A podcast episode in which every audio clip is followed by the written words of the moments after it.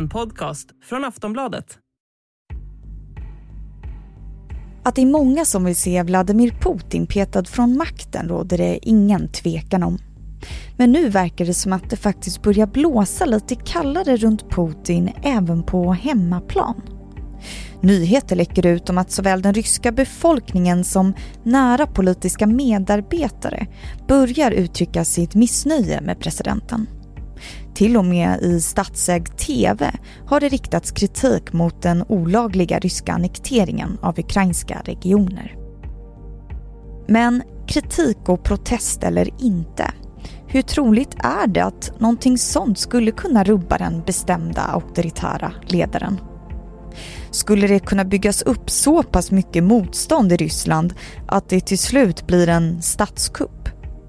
Skulle han någonsin avgå självmant? Och hur påverkar sprängningen av bron till Krimhalvön Putins status i hemlandet?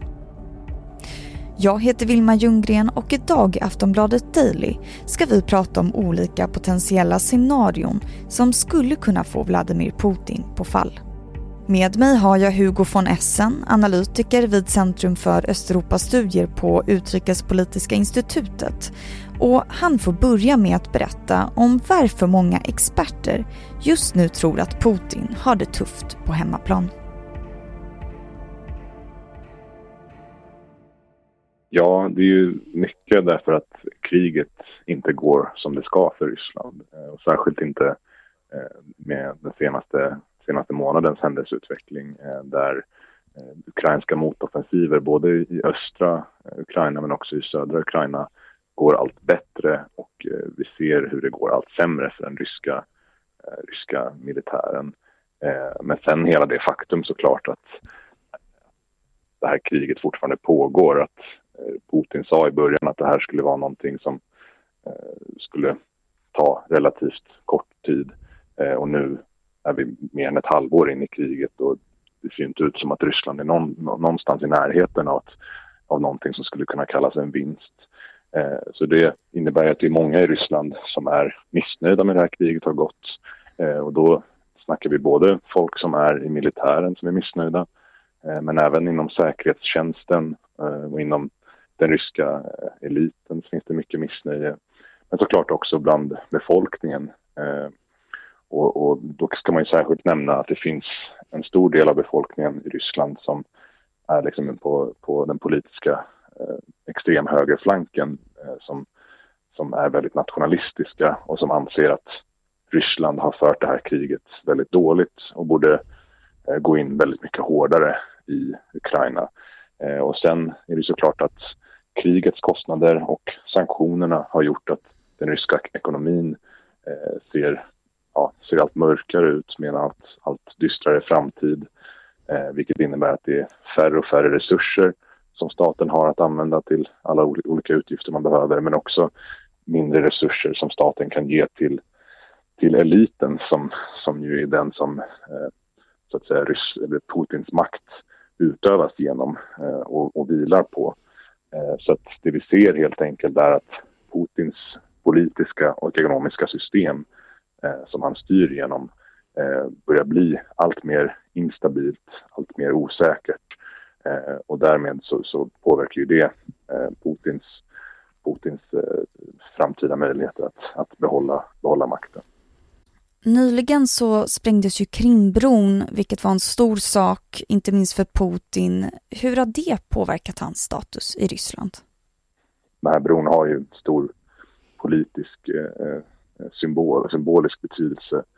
Många ryssar tycker att Putin inte längre kan föra det här kriget, inte kan försvara Ryssland eh, och så vidare. Så det påverkar också Putin negativt. Mm. Jag tänkte att du och jag skulle gå igenom lite olika tänkbara slutscenarion för Putin, alltså olika hypotetiska sätt som han skulle kunna försvinna från presidentposten på. Mm. Och ett av dem är just att ryska politiker skulle till slut få nog och att Putin skulle ställas inför riksrätt. Hur skulle ett sådant scenario se ut? Ja, alltså det skulle ju krävas att eh, väldigt många politiker eh, och väldigt många människor med makt i Ryssland, alltså även delar av, det skulle nog inte räcka med politiker, det skulle krävas att olika delar av säkerhetseliten, alltså de som är högst uppsatta inom säkerhetstjänsterna, att de också är med på det här. Eh, så att det skulle krävas en, en relativt stor, vad ska man säga, stor komplott mot, mot Putin. Eh, och, och, där är vi inte idag skulle jag säga. Eh, och frågan är om vi någonsin kommer komma dit.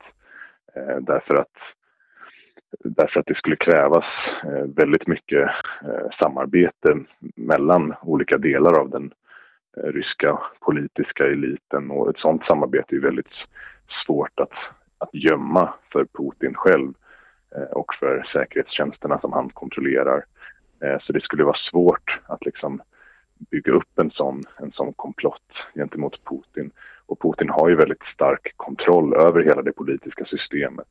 Så det här handlar ju inte bara om eh, rent formella juridiska processer utan också väldigt mycket om, om makt och, och pengar.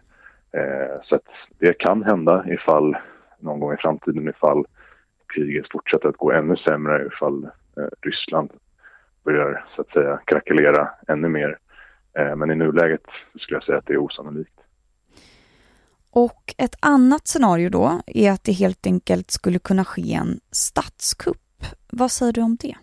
Ja, eh, när det gäller en statskupp så har vi ju delvis liknande problem där. Att återigen så skulle det krävas någon typ av konspiration mot Putin. Det skulle krävas att många människor med makt i Ryssland samarbetar. Eh, men det som det också skulle krävas, det skulle vara att det finns någon som, som skulle vilja ta över efter Putin och vilja ta över hans, hans roll. Eh, och problemet med det är ju att Putin har ju inte en särskilt eftersträvansvärd position just nu. Det går dåligt i kriget. Det går allt sämre för Ryssland ekonomiskt. Det går allt sämre för Ryssland på den internationella arenan med sina, med sina samarbetspartners som, tar, som distanserar sig allt mer från Ryssland. Och dessutom så är det viktigt att förstå också att de som skulle kunna genomföra en, en statskupp, det vill säga olika människor i den ryska eliten, eh, de har ju sin, sin makt och status och pengar tack vare att Putin överlever, att, det, att Putins system kvarstår. Det är ju därifrån de eh, kan behålla sin ställning så att säga. Så om Putin skulle försvinna eh, eller om Putins system skulle börja fallera så skulle ju det innebära att det är väldigt många andra som också då riskerar att förlora sin makt, eh, sin status, sina pengar och så vidare. Men det finns ingen nu som står och knackar på dörren och vill släppas in? Nej, jag har svårt att tro det. Men å andra sidan så ska man ju också komma ihåg att statskupper eh, i diktaturer är alltid väldigt oförutsägbara och kommer väldigt plötsligt. Eh, och vi i västvärlden är nog de sista som skulle få reda på eh, att det är på väg. Eh, så, att, så det kan ju hända när som helst. Eh, och det kommer vara väldigt svårt för oss att, att förutspå det. Mm. Och att avgå självmant då? Finns det någon chans att Putin skulle kunna göra det? Det finns kanske en, en liten sån chans. Eh, men även den skulle jag säga är osannolik av olika skäl. Eh, det första är ju utifrån vad Putin vill själv och vad vi, så som vi förstår Putin eh, så är ju hans största mål är ju att han ska bli ihågkommen i historieböckerna som den store ryske ledaren som eh, återskapade ett, ett storryskt rike eller imperium eh, som gav Ryssland tillbaka dess, dess forna glans och makt och så vidare. Eh, och eh, det är svårt att se att han skulle avgå innan han har uppnått det här. Eh, en annan sak är också att eh, om Putin nu skulle vilja avgå så skulle han ju vilja eh, kunna göra det eh, och vara vara säker i att han får, han får leva tryggt och bekvämt eh, i något rikt pensionärsliv där han inte hotas att åtalas eller att, att hans efterträdare eller någon, eh, någon konkurrent försöker mörda honom eller göra sig av med honom. Så att han skulle behöva ha sådana sådana garantier. Liksom. Problemet med det är att det är väldigt svårt i diktaturer med sådana garantier för att allt som oftast när diktatorer försöker avgå, eh, försöker lämna över makten så slutar det ändå med att de sen eh, grips eller lönnmördas eller på olika sätt råkar illa ut. Aftonbladet Daily är strax tillbaka. Hej, jag Ryan Reynolds. At Mint Mobile, we like to do the opposite of what Big Wireless does. They charge you a lot, we charge you a little. So naturally, when they announced they'd be raising their prices due to inflation, we decided to deflate our prices due to not hating you. That's right. We're cutting the price of Mint Unlimited from $30 a month to just $15 a month. Give it a try at mintmobile.com slash switch. $45 upfront for three months plus taxes and fees. Promote for new customers for limited time. Unlimited more than 40 gigabytes per month. Slows. Full terms at mintmobile.com. Three times president, five assassination attempts, I'm told. Not as much as Castro, who I've interviewed. I think he must have had 50, but uh, there's a legitimate five I've heard about. Я с Кастро разговаривал на этот счет. И он мне сказал, знаешь, почему я жив? Я спросил, почему? Он, потому что я своей безопасностью всегда занимался лично. Så här lät det 2017 när regissören Oliver Stone intervjuade Vladimir Putin. Han berättade om Fidel Castros säkerhet och frågade sen Putin om de fem stycken mordförsöken som ska ha skett på presidenten. Putin svarade med att bekräfta mordförsöken och berättade sedan att även han hade pratat med Fidel Castro. Som då berättade för Putin att anledningen till att han fortfarande var vid liv var att han skötte sin säkerhet personligen. Så hur ser säkerheten ut för Putin egentligen? Sköter han den personligen likt Fidel Castro gjorde? Vi hör Hugo von Essen igen. Alltså Putin har ju såklart väldigt mycket säkerhetspådrag kring sig. Eh, vi vet att han är eh, väldigt paranoid och att han har blivit eh, allt mer paranoid de senaste åren. Inte minst under corona så vet vi att han var Eh, väldigt isolerad och att eh, bara för att, bara att träffa honom eh, om någon av hans ministrar i regeringen skulle träffa honom så behövde man sitta i karantän i två veckor och ta, ta flera olika coronatester och så vidare. Eh, Putin har ju också eh, en egen personlig säkerhetsstyrka, en säkerhetstjänst som är liksom frikopplad från den övriga säkerhetsapparaten som är väldigt stor och som ska säkerställa att, att eh, han inte kan utsättas för något attentat eller något kuppförsök. Och sen kan man ju också konstatera att Putin under hela hans eh, långa 23-åriga tid vid makten eh, så har ju han gjort allt han kunnat för att så att säga kuppsäkra hans styre. Det vill säga göra det så svårt som möjligt eh, att börja konspirera mot honom. Eh, och ett sätt som han har gjort, gjort det, det, det är ju genom att se till att det finns eh, ett slags konstant tillstånd av, av inbördeskrig eller inbördeskonflikter mellan olika delar av säkerhetstjänsten i Ryssland. Eh, vilket gör att eh, olika delar av säkerhetstjänsten slåss om makt och pengar och, och Putins eh, gunst och så vidare. Eh, vilket gör att eh, om du jobbar i säkerhetstjänsten så vet du inte vem du kan lita på. Eh, du vet inte vem du kan eh, anförtro dig till och då blir det såklart väldigt mycket svårare att försöka bygga upp någon, slags, någon slags kupp mot, mot Putin. Och nu när han har startat Ukraina-kriget kanske han har mer fiender än någonsin. Hur stor är sannolikheten att Putin till exempel lönnmördas? Jag tror att sannolikheten just nu fortfarande är låg, eh, men jag tror däremot att den ökar ju längre tiden går. Att ju längre det här eh, misslyckade kriget för Rysslands del fortsätter, eh, ju mer eh, missnöje som väcks inuti Ryssland, både hos befolkningen men också hos militären och säkerhetstjänsten, desto större osäkerhet för, för alla, alla spelare i det här spelet och det inkluderar även Putin själv. Om han skulle tvingas bort från makten på ett eller annat vis, när tror du att det hade kunnat ske? Alltså, kan du se någon kritisk tidpunkt framöver? Jag tror att hela nästa år Eh, kommer bli väldigt kritiskt eh, för, för Ryssland men också för Putin.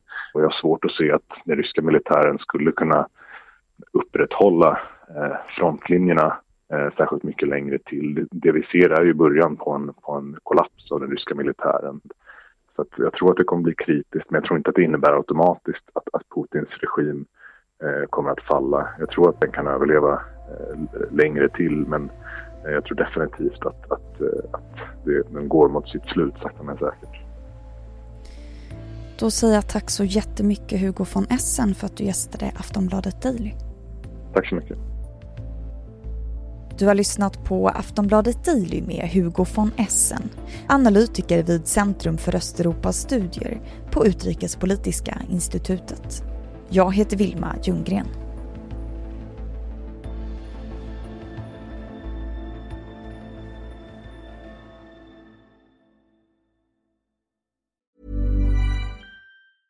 Ryan Reynolds here from Mint Mobile. With the price of just about everything going up during inflation, we thought we'd bring our prices down. So to help us, we brought in a reverse auctioneer, which is apparently a thing.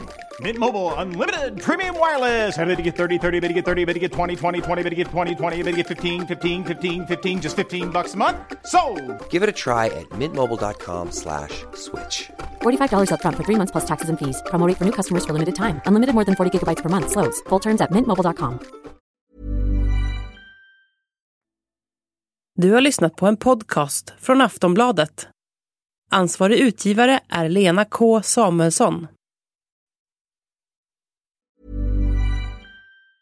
Tired of ads barging into your favorite news podcasts? Good news. Ad-free listening is available on Amazon Music for all the music plus top podcasts included with your Prime membership. Stay up to date on everything newsworthy by downloading the Amazon Music app for free or go to amazon.com slash news ad free. That's amazon.com slash news ad free to catch up on the latest episodes without the ads.